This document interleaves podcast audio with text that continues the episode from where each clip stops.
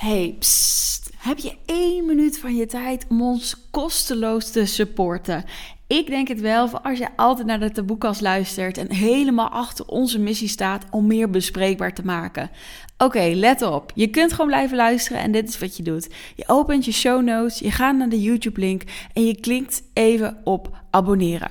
That's it. Zo kun je ons kosteloos supporten, ons naar de 1k abonnees helpen en kunnen wij nog veel meer mensen bereiken. Dankjewel en nog heel veel luisterplezier. Mwah.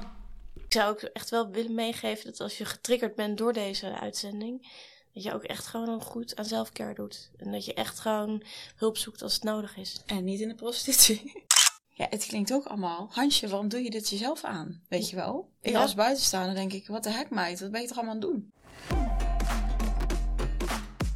Lieve luisteraar, lieve taboe-doorbreker, welkom bij een nieuwe taboekast. Of eigenlijk deel 2 van eh, Hansje, haar podcast.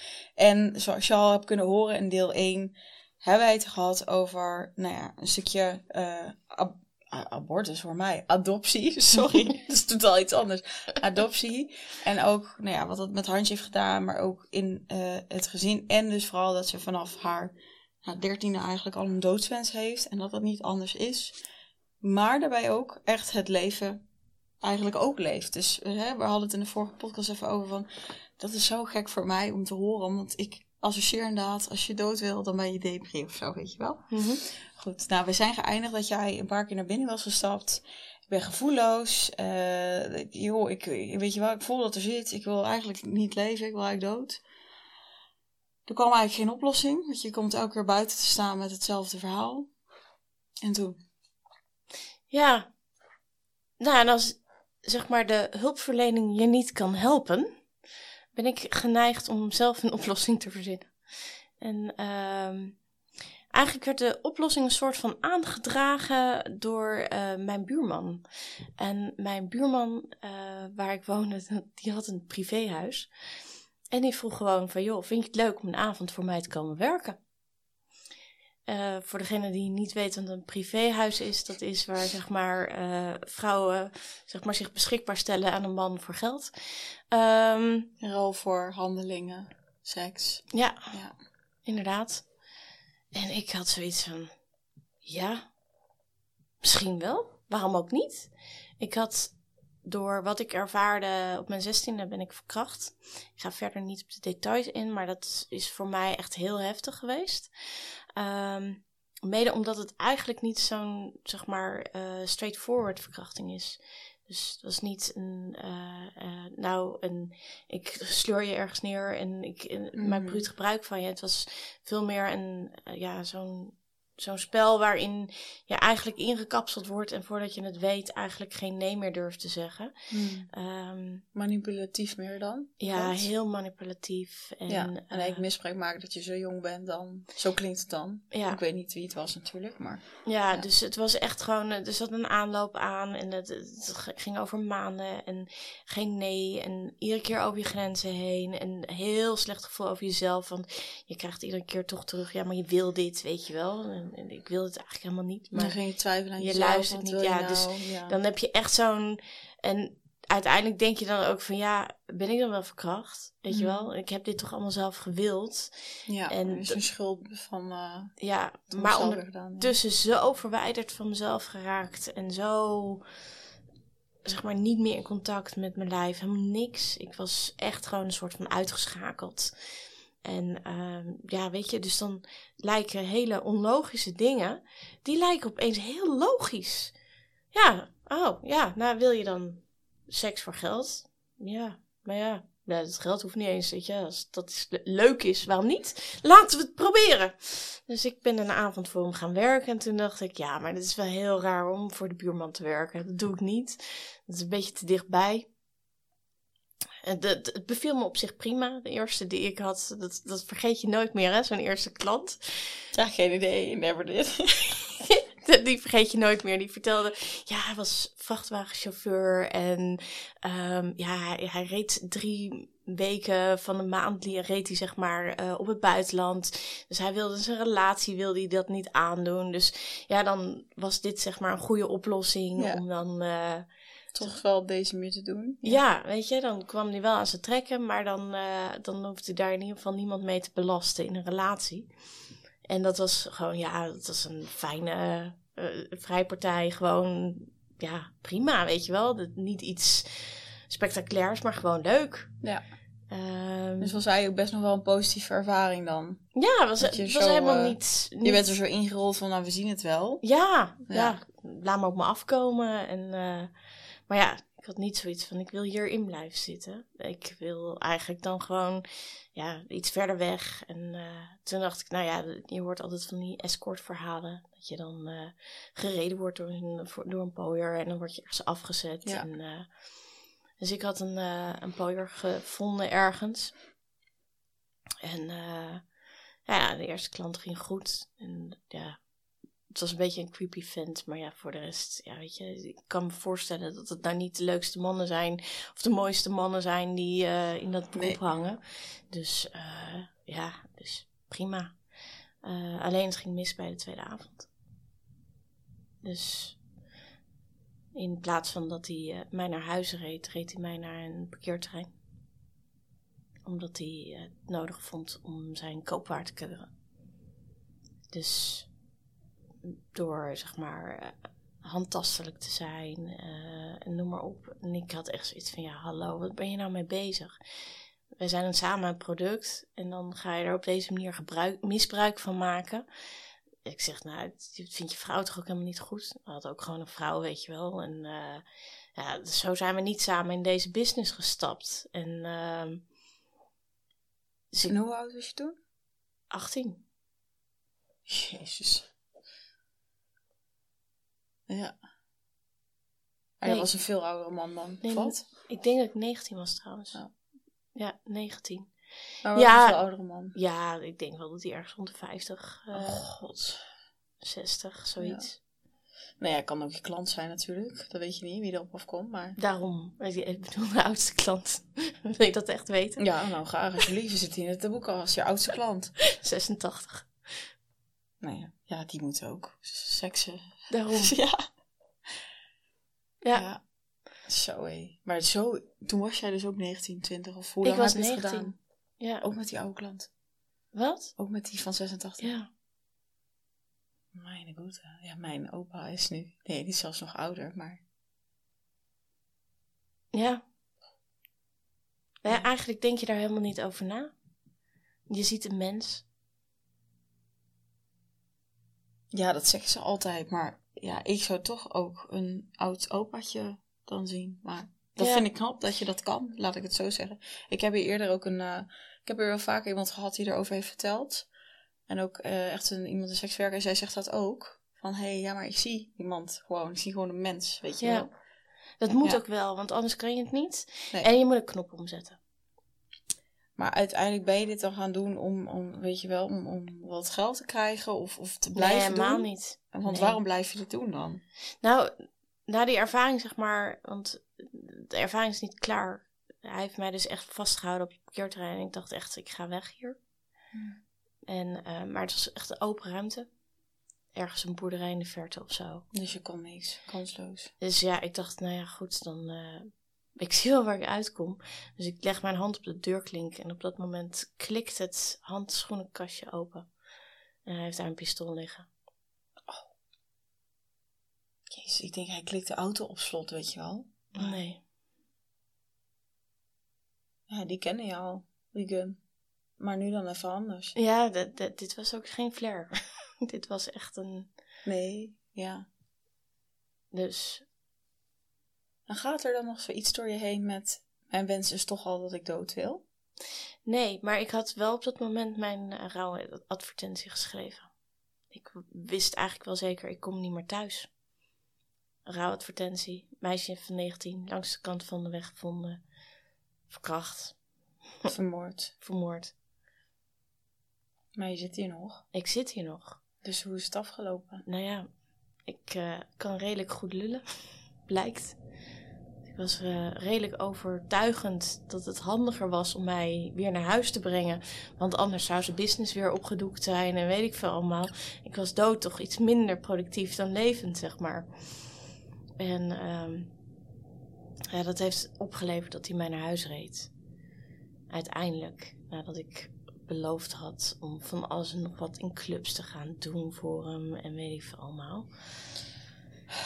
En echt met de voordeur in zicht. Auto stond ervoor geparkeerd. Ik bedoel, het was echt in dat op dat is, om één uur s'nachts stond op het parkeerterrein. En het was echt vijf uur s ochtends of zo. Zes uur s ochtends dat we voor mijn voordeur weer stonden. Dacht ik, oh, ik ben er. En op dat moment plant hij nog de meest afgrijzelijke gore kus op mijn mond. Waar ik echt gewoon nu nog steeds een soort van kokhalsneigingen van Ja, krijg. ik zie het ook gebeuren gewoon. Ja, joh. En dan doe je die deur open en je loopt die voordeur binnen. En echt, ik heb die voordeur dicht gedaan en ben gewoon in elkaar gezakt. Ja, dat lijkt me ook. Dat wou ik net zeggen. Dat zak je volgens mij echt in elkaar. Ja. Ja. Ja. Daarna was de zin om te leven ook niet zo groot meer. Die was eigenlijk ook wel weer een stuk naar beneden. Ja. Ik heb toen nog een poging gedaan. Dat heeft medicatie met alcohol. eh, heeft me een hele psychotische nacht opgeleverd. Ook op dat moment dacht je, het hoeft niet. Dat hoeft niet meer. En meteen... eh, Ja, nou niet direct. Ik denk dat er twee, drie weken tussen heeft gezeten. ah, oké. Ja, dat is, dat is niet leuk. Ja. Ja. Maar je bent voor hem blijven werken. Nee. Oké, dus hij heeft je wel met de rust gelaten. Nou ja, ik heb eh, zeg maar. eh, ik had een vriend op dat moment. Hmm. En die, die vond het min of meer oké dat ik in de prostitutie werkte. Ehm, en die heeft dus zeg maar eigenlijk gewoon eh, toch wel eventjes zijn, eh, zijn kracht laten zien. Dat hij dat toch zeg maar niet meer moest doen. Zo. Ja, Toch ook wel ergens dan fijn dat je even op dat moment een vriend had. ja, Die dat even voor je kon doen. klopt. Maar ik hoor dus ook van, ja, het ging ook even niet goed. En ook deze ervaringen lijken me nou ook niet heel erg. Nee, Want je maar bent daarna genoeg. gestopt met de prostitutie Nee. of wat? Nee, je denkt dan, dan ben je klaar hè? Ja. Dan heb je denk ik wel Ja, alles gehad. iemand die nadenkt, die denkt nu van, ja, het is wel goed. Handje. Ja. ja, en ik dacht nog steeds, ja, maar ik ben niet echt die ervaring tegengekomen die ik, zeg maar, eh, als, zeg maar, op mijn zestiende tegenkwam, die verkrachting. Ik wil eigenlijk weer een verkrachting meemaken, zodat ik het beter kan, ja, opruimen, anders kan benaderen en weet ik veel allemaal. Dus ik verhuisde naar Deventer en toen ben ik in Enschede gaan werken in een privéhuis. En dat, eh, ja, dat heb ik een aantal maanden gedaan. Niet zo heel lang hoor. Want ik had met mezelf afgesproken, als ik zo'n ervaring tegenkom, dan stap ik er ook weer uit. Dus uiteindelijk heb ik drie maanden of zo in de prostitutie echt gewerkt. En toen kwam die ervaring ook en toen echt. kwam die ervaring. Ja. Want het is natuurlijk, ik ben medeluisteraar, luisteraars ook. Wacht even, je zoekt je verkrachting opnieuw op. ja. Waarom doe je dat? Waarom ben je daar nou op zoek? nou, want ik had geen gevoel meer. Ja, oké. Ik was zo uit. Ik dacht, ja, maar ja, er moet dus iets gebeuren waardoor er zoiets heftigs gebeurt, waardoor je weer openbreekt of zo. Ja, terwijl je wist, het was heel heftig, maar je wilde dus het gevoel weer van ik voel weer. Ja, Ja, oké, check. En ik dacht echt, nou, dat gaat mij gebeuren. N- Nee, Nee. nee, nee. Dus tijdens dat je denkt van dit was een soort van verkrachting, nog steeds niks gevoeld.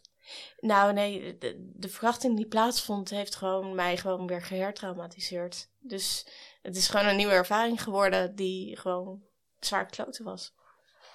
Maar in dat huis, want hoe gaat dat dan? Want jij moet toch wel met een klant mee of zo, lijkt me. Ja, nou, hoe je dus zeg maar dat eigenlijk doet, is je wordt gewoon uitgekozen. Je zit op een bank met z'n allen en dan op een gegeven moment komt er iemand binnenwandelen en die zegt, nou, jij. Hey, en dan, eh, ja, en dan zijn er gewoon eh, kamers en dan vraag je eventjes welke kamer heb ik. En dan ga je daar naartoe en in die kamers zit een groot bed en je hebt een badkamer eraan vast en...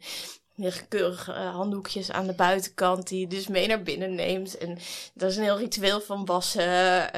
want ja, je, je wilt het allemaal wel schoon en netjes doen. Ehm, je gaat zeg maar, de betaling is zo dat je het geld krijgt. Dan loop je ook naar beneden. En dan eh, pak je de condooms mee. Dus dan weten ze welke kamer bezet is. En nou ja, de- voor hoe lang het ook bezet is, weet je wel. Dus het is, ja, het is eigenlijk gewoon een machine hoor. Het is ook gewoon, je hebt je eigen kantoortje op dat moment eventjes. Je eigen werkplekje, ja. Ja. Afwerkplekje. ja. Ja, en je bent Ja, we natuurlijk- lachen erover, maar ja, wat je zegt, het is dus weer een heftige ervaring. Ja. Ja. Ja. Maar toch, omdat je, je wordt gewoon meegenomen. Hè? Dat is altijd met de klant. Het wordt altijd gekozen. Wat maakte dit keer dan dat je zei, maar dit was dus weer zo'n krachting? Gaf jij iets aan van, nee, maar dit wil ik helemaal niet? Of Ehm, je moet je voorstellen dat. ehm, wil je hem echt horen? als je hem kan delen, dat is de vraag. Je moet je voorstellen dat tijdens het pijpen dat hij mijn haar pakte en echt, je kent wel die heel bruut dan over je geslacht heen en weer gehaald wordt. Mhm. Ook echt zeg maar deep throatend, dat je echt gewoon kokhalzend niet meer bijkomt. Dat, dat je geen controle hebt. Je- ik kon niks. Ik kon niet eens zeggen stop, dit wil ik niet. Nee, maar dat kan dus ook niet dan, ja. Nee, echt gewoon, maar zo, zo brut en hard en ehm, stikkend. Stikkend was echt het woord. Geen lucht, helemaal niks. Totdat hij me op het bed smeet en dat je dan denkt, kan ik weg? Nee, helemaal niet. Want hij had me meteen in een houtgreep, waarbij zijn hand zich zijn, om mijn keel heen sloot. En dicht begon te knijpen. Terwijl hij zeg maar ondertussen mij begon te penetreren. Echt ook alsof hij door mijn lijf heen moest. En echt keihard dicht knijpen. Dat, dat je echt op een gegeven moment... Eerst vecht je, want je wil los. En dat leek hem alleen maar nog geiler te maken. En weet ik veel allemaal. En op een gegeven moment voelde ik gewoon lucht uit me wegtrekken. En ik had echt zoiets van, ja, nou, goed. We sterven hier op dit, Dit is het Dit is het. ja. Ja. En op dat moment kwam ik klaar. En eh, ja. En dan, dan, dan ben je eigenlijk zo versuft. En dan kun je wel weer ademen. Dus echt hoesten, proesten en weet ik veel natuurlijk. Maar ik was nog steeds eigenlijk dood. Ja. Ja. Daarna ben ik niet meer teruggegaan. Ja, dat snap ik. En nog steeds, ja, opnieuw een trauma. En alleen maar, trauma. Ja. ja. En nu nog steeds, iedere keer wanneer je emoties krijgt, we kennen het allemaal, dan voel je het in je keel. En dan wordt je keel dichtgedrukt. Is dit een trigger? Mhm. En dan ben ik altijd weer terug in die kamer. Wow. Ja. En hoe is dan nu om te vertellen? Ja, best wel heel eng hoor. Ja. Ik merk dat ik ook echt wel een stukje uitgezoomd ben in mezelf.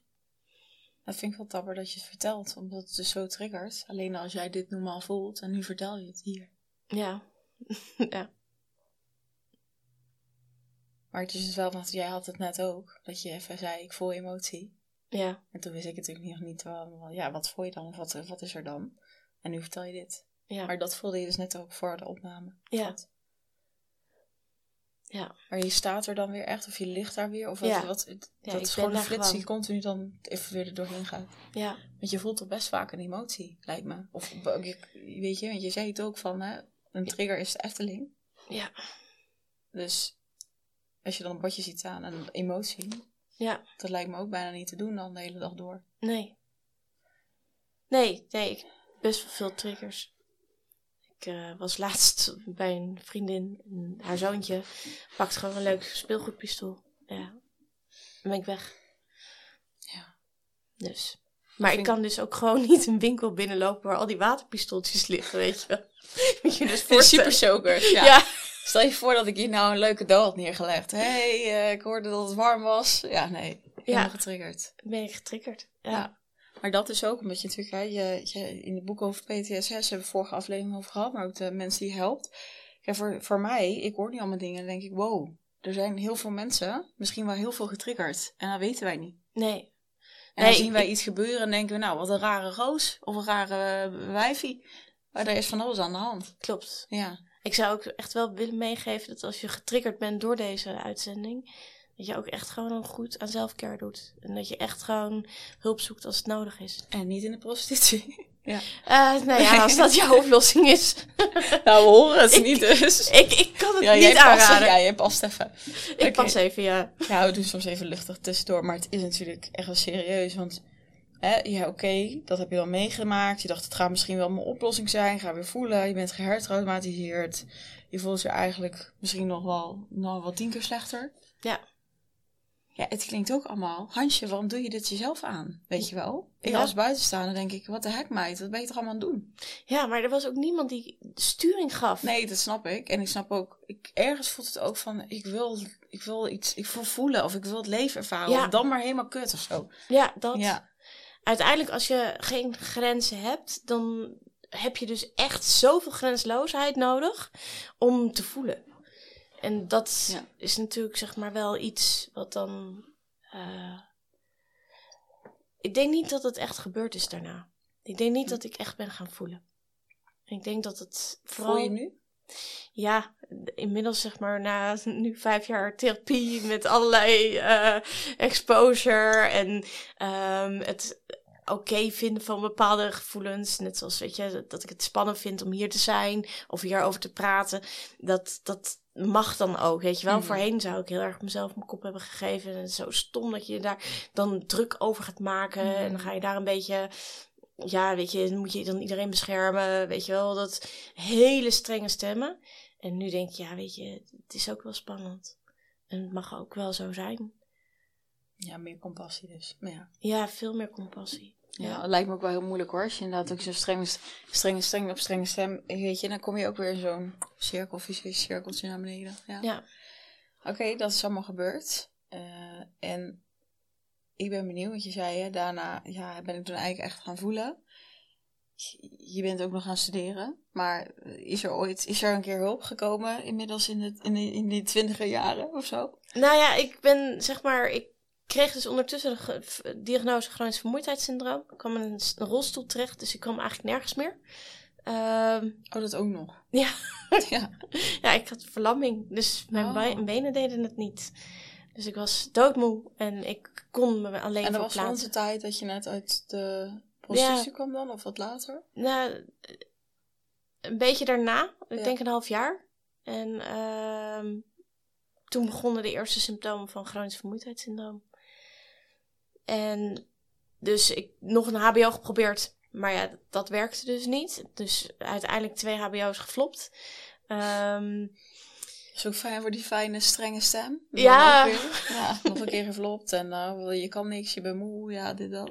ja, dat. Is, het, is dat eh chronisch, eh, sorry, vermoeidheidssyndroom, zeg Ja. goed, ja? Is dat iets omdat dat, dat je dus zo lang alles hebt weggestopt dat het op een gegeven moment gewoon echt niet meer gaat? Want het klinkt een beetje, mijn benen zijn gewoon uitgevallen omdat ik gewoon alles heb genegeerd. Ja. Als laatste wanhoop, want je hebt nu geen rolstoel voor de mensen die luisteren. Nee, nee, daar heb ik mezelf behoorlijk goed uitgekregen Ja. uiteindelijk. En hoe lang heb je in een rolstoel gezeten dan? Ehm, ik denk dat ik eh, met af en aan een tussenpozen, want eh, ook daar tussendoor zeg maar deden ze het wel weer en dan weer niet. Dat was een beetje ja, wisselend. Denk ik vijf jaar. Zo, dat is toch wel een tijd. Ja, Ja. ja. En nu, weet je zeker, het komt niet meer terug? Of weet je dat niet zeker? Ik weet het niet Nee. zeker. En ik ben er ook niet mee bezig. Oké, ja, nee, dat lijkt me ook wel weer. eh, ehm, en anders ga je weer helemaal in je hoofd en ja, Ja. gaat het komen wel niet. Ja, je weet jij veel. Ja. Ja, nee, ik, ik vind het niet iets belangrijks om daarmee bezig te zijn. Ja. Ik, eh, het is wat er is. Pijn is wat er is. Eh, ik denk dat met het fysieke deel van mijzelf best wel vriendjes ben geworden. ja, dat En niet zozeer daar nog heel erg mee bezig ben dat het anders moet. Of Mhm. dat ik. Nee, dat heb ik niet. Het mentale deel is in dat opzicht zeg maar gewoon vervelender. Omdat ik daar veel minder controle over heb. Ja, ik heb ook geen controle over mijn lijf, maar ik weet dat het er zit. Een beetje zoiets. Ehm, maar mijn vader zei altijd van ja, het zit tussen je oren. Toen zei ik, nou, dat vind ik prima dat het tussen mijn oren zit. Eh, maar heb jij dan de oplossing? En toen zei mijn vader, ja, dat ook niet. Maar die kwam Roy Martina tegen. Roy Martina. Ja, dat is een vrij groot naam inmiddels. Quantum Healing is die op dit moment bekend van. Maar ik kreeg hem gewoon als arts. Zo, En ehm, lucky shot. ja joh. En, eh, Hey, psst. Heb je één minuut van je tijd om ons kosteloos te supporten? Ik denk het wel, voor als je altijd naar de taboekast luistert en helemaal achter onze missie staat om meer bespreekbaar te maken. Oké, let op. Je kunt gewoon blijven luisteren en dit is wat je doet. Je opent je show notes, je gaat naar de YouTube-link en je klikt even op abonneren. That's it. Zo kun je ons kosteloos supporten, ons naar de 1k abonnees helpen en kunnen wij nog veel meer mensen bereiken. Dankjewel en nog heel veel luisterplezier. Mwah. Na vijf behandelingen zei hij: Wat doe je hier eigenlijk? Je moet mijn opleiding doen.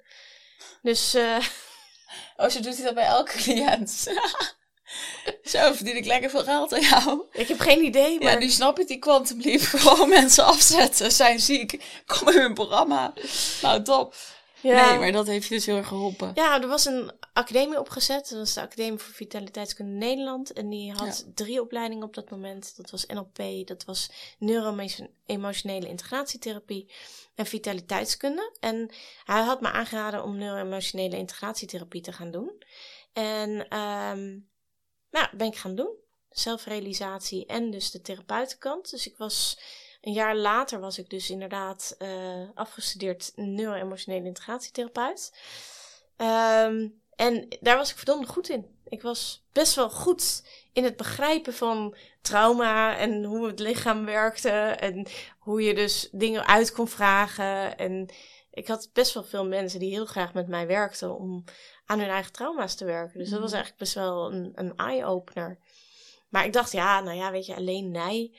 Dus toen ben ik NLP gaan doen. Dus ik heb toen nog een jaar NLP gedaan.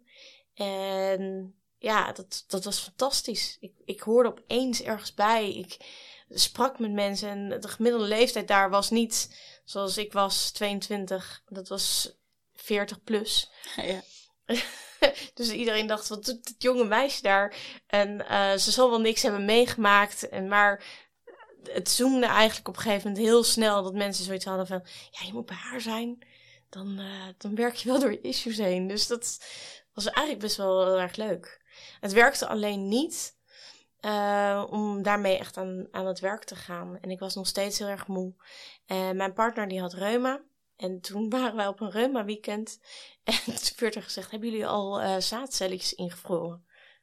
Zaadcellen ingevroren. Hoezo? Waarom? Ja, als je ooit aan kinderen denkt, reuma en ja, dat, dan moet je toch echt wel, uh, ja, moet je vroeg met je kinderen beginnen. Je weet het, hè, je belandt in een rolstoel en dan kun je helemaal niks meer met je kinderen. Dus ja, ik zou als ik jullie was, maar zo snel mogelijk beginnen. Dus uiteindelijk op mijn 24ste was ik zwanger van de eerste. Dus met je huidige partner dus? Met mijn huidige partner. Of man? Ja, man. Ja. En partner en vriend. Ja. Ja, het is maar hoe je het bekijkt. Ja, precies. We hebben het boterbriefje. ja, ja, precies. Oké, maar dat is best wel snel van prostitutie naar geholpen, naar studie, naar kind, naar moeder. Ja, eigenlijk wel. Ja.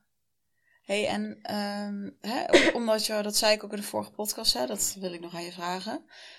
Je hebt dus die doodswens altijd. Dan kun je misschien ook denken, ja, als ik dat heb en misschien wil ik dat uiteindelijk wel een vervulling laten gaan, laat ik dan niet aan, mijn aan kinderen beginnen. Is dat een overweging of is dat iets wat door je heen is gegaan? Of was jouw no of ja, je nood, nee, jouw verlangen naar een kind ook heel groot? Mijn verlangen naar een kind was heel groot en dat had ook weer te maken met mijn adoptie. Daar, als ik namelijk vooruit keek, dan ging er iets van mij door. En als ik terugkeek, was er niks. Mm. Dus ik ben in dat opzicht heel egoïstisch geweest. Als het gaat om mijn wens voor een kind. Dat was echt. Uh... Is elke ouder dat niet? Ja. Ja, maar ja, ik bedoel, bij mij. Ik, ik, laat ik zo zeggen, ik durf ervoor uit te komen dat het echt een hele egoïstische keuze is geweest. En dat ik daarin niet heel erg stil heb gestaan bij. Wat, uh, wat gaat dat betekenen voor die, dat kind? Uh, wat wij alle twee hadden, mijn partner en ik, we hebben best wel alle twee een heftig verleden. En wat wij alle twee hadden was, ja, weet je, we hebben wel een heleboel liefde om te geven. En weet je, misschien is dat wel gewoon genoeg. Hmm. En hoef je helemaal niet rijk te zijn en hoef je helemaal niet van alles en nog wat als het kind maar belangrijk is in je leven en je daar echt voor kunt zijn. En ik denk dat op basis daarvan, van dat idyllische beeld, hebben wij besloten, nou ja, als het ons gegeven is, want ik bedoel, ik had van mijn moeder echt geleerd dat een kind is je gegeven. Dat is niet iets wat je zomaar even krijgt of doet of wat dan ook. Want ja, anders had mijn moeder andere kinderen gehad. Van zichzelf namelijk. En Hmm. eh, niet zeg maar geadopteerd.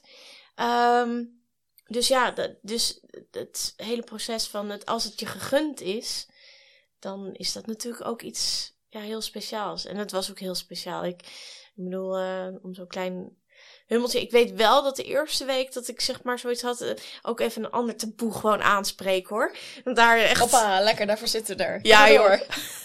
Ik weet nog dat ik echt. Het kindje was geboren en ik vond het echt heel erg leuk hoor. Ik vond hem echt heel leuk. En dat was een jongetje, weet je wel. En ja, alles deed het. En ik was vooral veel in verwondering aan het kijken naar dat kleine frummeltje.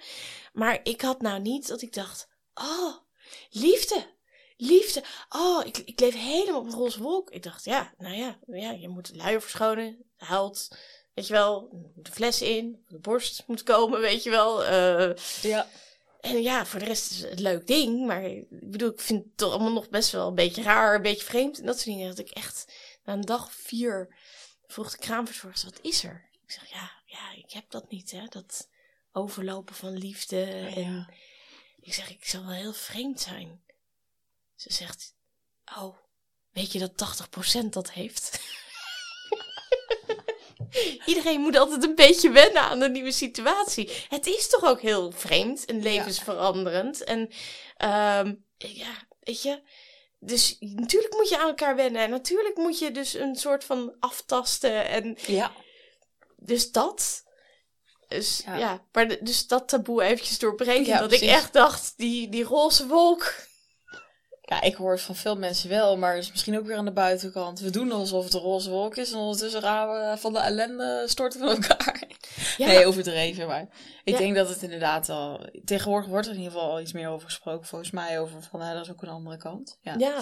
Hey, en heeft hij, hè, dat ki- de kinderen krijgen, want je hebt natuurlijk drie, drie eh, toppetjes, hey. Ehm, heeft dat niet iets voor gezorgd dat je dan minder, op sommige momenten dan minder naar die doodswens neigt? Of is dat er altijd? Nee, het is altijd. Ja. Uiteindelijk, en dat klinkt echt heel hard, zijn mijn kinderen niet degene die mij tegen gaan houden. Ja, en dat weten zij ook inmiddels, denk ik wel. Of gaan ze het nu in de podcast horen? Ja. Ja, weet je, uiteindelijk als jij dood wil, dan is, is er niet zoveel dat je tegenhoudt. Nee. Dan, eh, Zelfs niet de liefde voor je kids. Nee. Nee, weet je, want het is ook liefde als ik uit het leven stap voor ze. Ja, zo kun je hem ook zien. Want dan Ja. zijn ze van die loedermoeder af.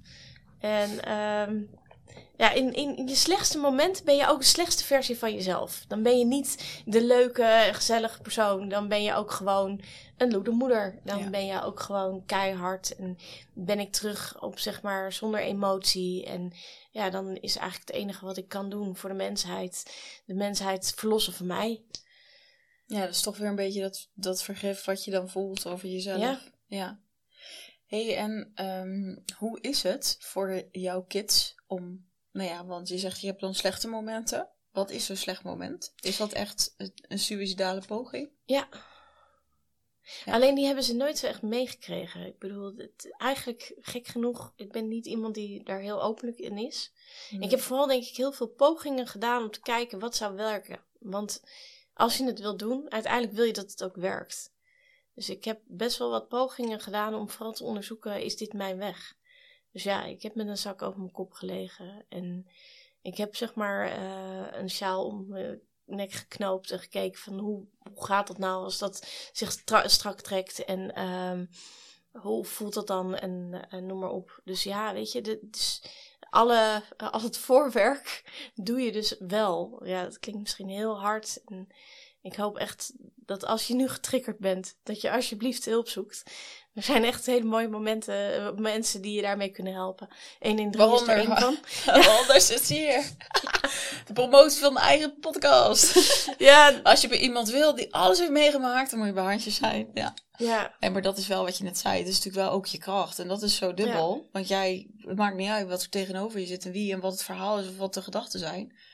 En ja, I, I've got it, bro, weet je wel. ja, Ja. Ja. Ja, maar dan lijkt maar toch alsnog lijkt me toch wel, als ik dan zelf zou bedenken dat mijn moeder dat eh, zo heeft, dat lijkt me toch wel ook intens. En voor je kids, en ik weet niet, want hebben jullie het daar dan over thuis? Ja, we praten er wel over. Ik denk niet dat we het op deze manier, zoals ik het hier zo platvloers, Nee. eigenlijk gewoon van on- onomwonden zeg. Dat doe ik bij hun natuurlijk niet. Ehm, we hebben het dan veel meer over dat, dat ik het gewoon heel moeilijk vind om te leven. En dat ik echt wel probeer om het leven echt te omarmen en daarin te staan. En dat ik er ook heel veel voor doe. Dat zien ze ook echt. Ik bedoel, ik ben niet iemand die snel opgeeft. Ik bedoel, ik heb echt. Ik kan van mezelf zeggen dat ik een doorzetter ben, een vasthouder en noem maar op. Eh, dus ik ga niet over één nacht ijs. Dat weten zij ook. Mhm. Ehm, maar ik heb het er wel over gehad, ook van ja, stel nou voor dat ik er vrijwillig voor zou kiezen om toch eerder het leven te stappen. Ehm, ja, wil je daar dan bij zijn? Hm. En dan krijg je toch wel een ja. Maar dat gaat over de euthanasiewens, Ja. aan. Ja. Ja, want je zegt, je hebt het geprobeerd. Wat maakt dan dat het nog niet gelukt is? Want ik denk, als je echt toch jouw doodwens, dan zou ik voor de trein knallen. Ja, dat is even heel oneerbiedig, maar snap je dat? De. Minder dan dat. Ja, oké. Ik heb op het spoor gestaan. Ja. En toen dacht je, dit is niet mijn manier te, om te gaan dan. Ja, en ik weet ook van best wel wat machinisten. Dat Ja. het echt gewoon... Dat is- het ook weer een trauma is. Jij Ja. bent dan iemands trauma. Klopt. Ja. En eh, er zijn best wel veel mensen die je vinden. Je bent in duizend stukjes, Ja, dus je kunt niet opgepaard worden. Dus de laatste, zeg maar... al afgezien, weet je wel, in mijn worst case scenario is iedereen heel blij en staan ze lachend bij de kids. Maar ik bedoel, weet je, dat... eh, ja, dat is hoe jij het ziet. dat is hoe ik het zie dan. Ja, terwijl iedereen is van keihard aan het janken, maar ja, Waarschijnlijk. waarschijnlijk. Ik bedoel, dat is ook wat ze tegen me zeggen. Maar je kan het niet aannemen. Het Maar is ik kan jouw het niet waarheid, hè? aannemen. Ja, Dus dat ga je ook nooit geloven volgens mij. Want dan zou je misschien ook wel switchen. ja, Niet? dat zou zomaar kunnen. En ik hoop eigenlijk, en dat is eigenlijk wat ik zeg maar toch hoop te vinden. Ja, dat leven. ik hoop het leven te vinden Ja. en niet de dood. Want, maar kunnen ze zonder elkaar in mij bestaan is natuurlijk ook nog de vraag, hè? Want die Ja. twee zijn zo in mij Ja. verbonden. Ehm, is er een mogelijkheid om dat... Ik weet het niet. Mm. En dat ik, ik geef mezelf nu de ruimte. En daarom heb ik dit gesprek ook opengebroken bij mijn partner, bij mijn vrienden, bij iedereen. Weet je, ik bedoel, de meeste van mijn vrienden weten wel hoor dat ik chronisch suicidaal ben. Mijn vriendin zegt ook altijd, ja, er zijn periodes waarvan ik dan denk, ja, nou, ik heb het voor het laatst gezien. Ja. Dus Wat doet dat met jou? Dan denk ik, oh, ja, oh, kennelijk vind je dat erg. Maar je kan niet aannemen als... Je Nee. kan niet voelen dat iemand het dus echt erg vindt. Ja, nee. Ja. En ook niet als je ze in tranen zou zien. Of, want dat neem ik aan dat het misschien ook wel eens gebeurd is, toch? Ja. Ja, ja, nee. Mm. Nee, dan denk ik, in mijn gezicht zeg je het één. En als het straks gebeurd is, dan ben je blij. Dan kom je er vast Dus, achter. maar dan denk je dat iedereen jou de hele tijd voor de gek houdt of zo, of wat? Nee, helemaal niet. Ik denk niet dat ze me voor de gek houden. Ik denk dat het absoluut oprecht is op het moment dat ze het zeggen. Mm, oh, zo op die manier. Maar als het dan zo... Ja, oké, check. Ja. Ja. Dan komen ze daarachter inderdaad hoeveel vergif ik eigenlijk was. En dan zijn ze eigenlijk heel blij dat ik die stap heb gezet. En hoe is het voor man lief? Ja, die vindt het natuurlijk heel ingewikkeld. Mhm. Aan de andere kant, hij is zelf ook ehm, regelmatig ehm, heeft hij de confrontatie met de dood gezocht. Ook eh, zeg maar vanuit suicidaliteit. Hm. Ehm, dus in dat opzicht herkent hij het natuurlijk. Dan begrijp je elkaar misschien wel beter dan dat één iemand het helemaal heeft en de ander denkt, waar ben je nou toch mee bezig? Ja, en we hebben eigenlijk altijd gezegd, als dat is wat je wens is, dan steunen we elkaar daarin. Dus dat is eigenlijk ook, Ja, voor jouw kids ook wel zwaar, want mama en papa hebben het dan allebei. ja, Ja, dan moet ik meteen aan denken, omdat ik mijn vader ben verloren. En dan was echt mijn grootste angst als mijn moeder maar niet blij is. ja. Dat kan ik niet, weet je. Ja. Ja, dat zijn dingen waar je dan liever even niet bij stilstaat. Het klinkt heel raar, natuurlijk zijn die gedachten er wel. Ja. Maar daar sta je niet bij stil, omdat je anders je eigen gang niet kunt gaan, om het zo te zeggen. Ja, weet je, Ja. ik denk niet dat je egoïstisch bent op het moment dat je zelfmoord pleegt. Want ik denk dat je daar echt genoeg over na hebt gedacht om eh, om het te doen. Uh, ik denk dat je voor jezelf echt een goede motivatie hebt om het te doen, zeg, zeg maar. Want dat is natuurlijk wel echt wat heel erg vaak naar je hoofd geslingerd wordt. Hè? Ja, maar het is allemaal echt heel egoïstisch dat je dat bedenkt en doet. En je laat mensen achter en dat soort dingen allemaal. Ik denk ja, maar uiteindelijk ben ik de leukste versie die je kunt hebben bij leven. Dat is ook mm. natuurlijk het volgende. Ja. Hoe stel jij jezelf de dood voor? Want we hebben het even voor het leven en je hoopt het leven weer te vinden. Ja. Maar wat is voor jou wat je zo trekt aan die dood? Rust. Oké. Echt rust. Ik denk dat je dus, um, althans voor eventjes, want daarna moet je weer terug. ja, jongens, we zijn hier, we zijn nog niet verlicht. We zijn er geen ziel. Uh, Juist, en dan, eh. dan kun je dus weer het volgende aangaan.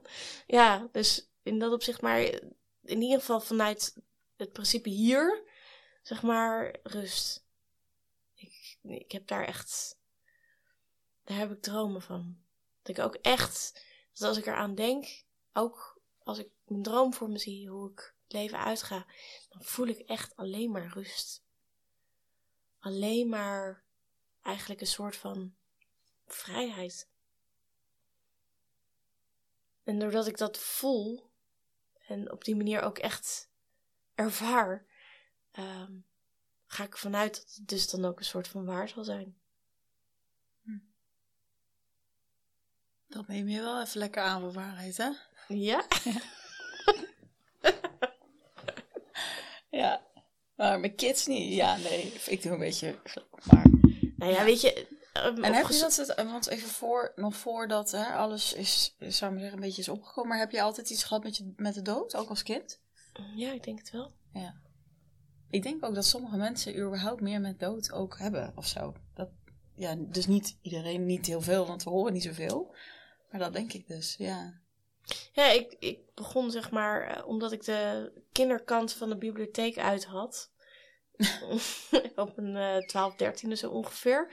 ja. Begon ik, werd ik eerst naar de volwassen literatuur geleid. Maar ik vond op mijn dertiende vond ik de volwassen literatuur stom. Al die mensen die maar met elkaar allerlei dingen deden. En ik vond het echt, ik snapte er helemaal niks van. Ik vond het gewoon stomme boeken. Hmm. Dus toen ben ik eigenlijk aan de andere kant terechtgekomen van de bibliotheek. En dat was de informatieboekenkant.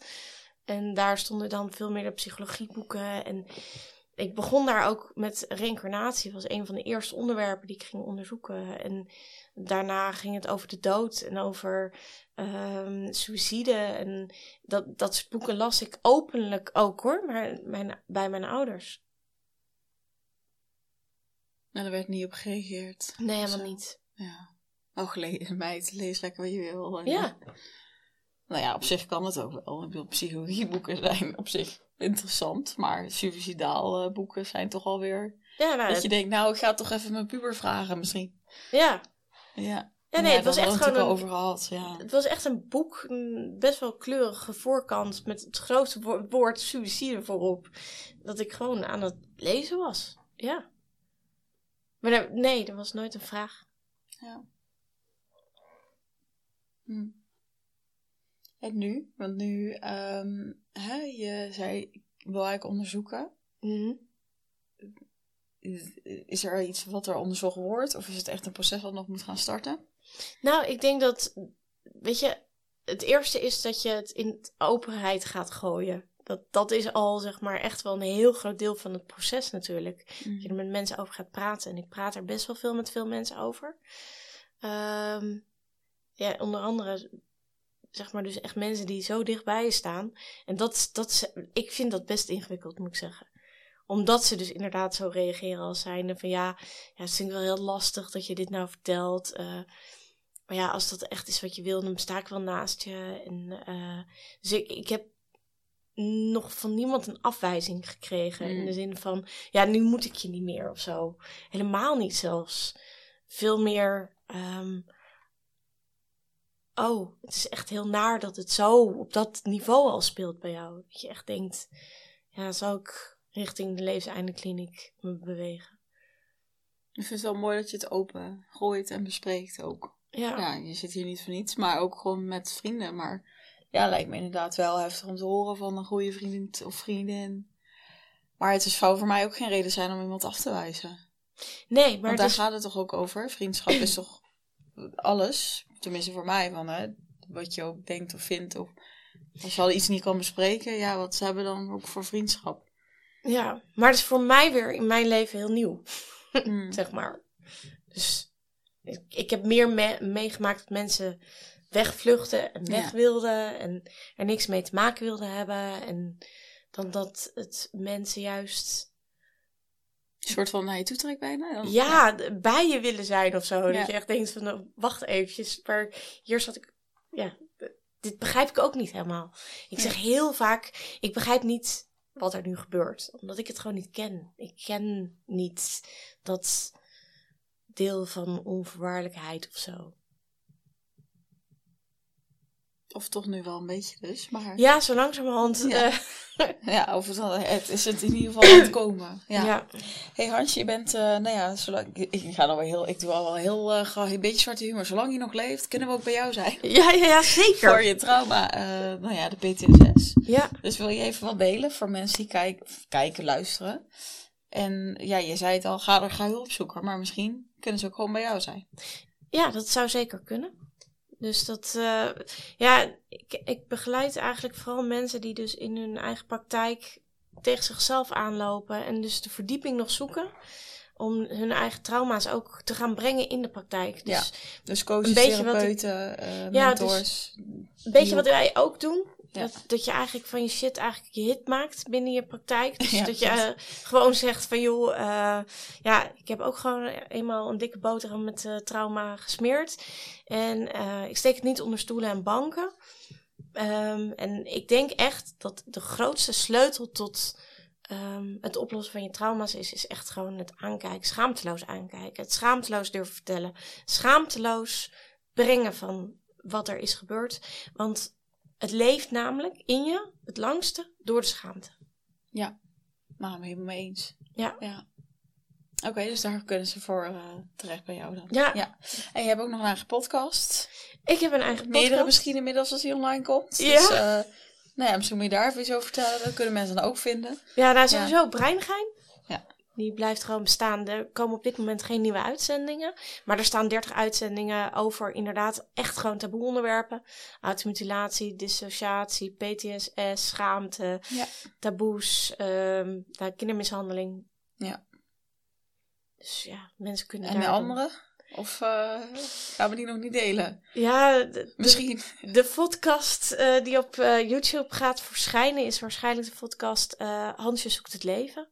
Levend met een doodswens. Waarin Ja. ik eigenlijk mijn traject over hoe ik dus dit eigenlijk aanvlieg van joh, maar hoe doe je dat dan eigenlijk het leven zoeken als je zo'n doodswens hebt? Ja. Of kom ik uiteindelijk bij die doodswens uit? Ehm, en ja, ik hoop daar dus dan wel ook nog echt over te gaan vloggen. Dus dat lijkt me wel heel leuk. Ja. En er is nog wel een andere podcast die eraan gaat ja. zitten komen. Hem nog lekker even geheim, jongens. Ja, hè? Ja. Nou, lieve Hansje, dankjewel. Ik vond het, eh, ja, weet je, je verhaal is echt dat je denkt, huh?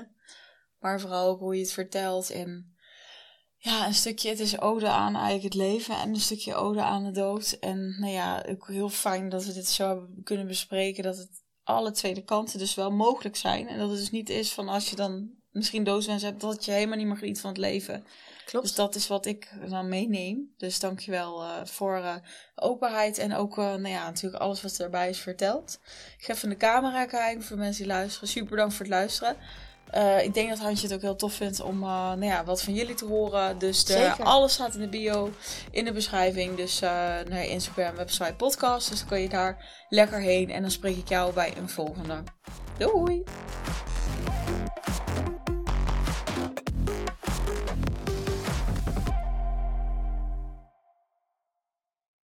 Hey. Heb je één minuut van je tijd om ons kosteloos te supporten? Ik denk het wel, voor als je altijd naar de taboekast luistert en helemaal achter onze missie staat om meer bespreekbaar te maken. Oké, let op. Je kunt gewoon blijven luisteren en dit is wat je doet. Je opent je show notes, je gaat naar de YouTube link en je klikt even op abonneren. That's it. Zo kun je ons kosteloos supporten, ons naar de 1k abonnees helpen en kunnen wij nog veel meer mensen bereiken. Dankjewel en nog heel veel luisterplezier. Mwah.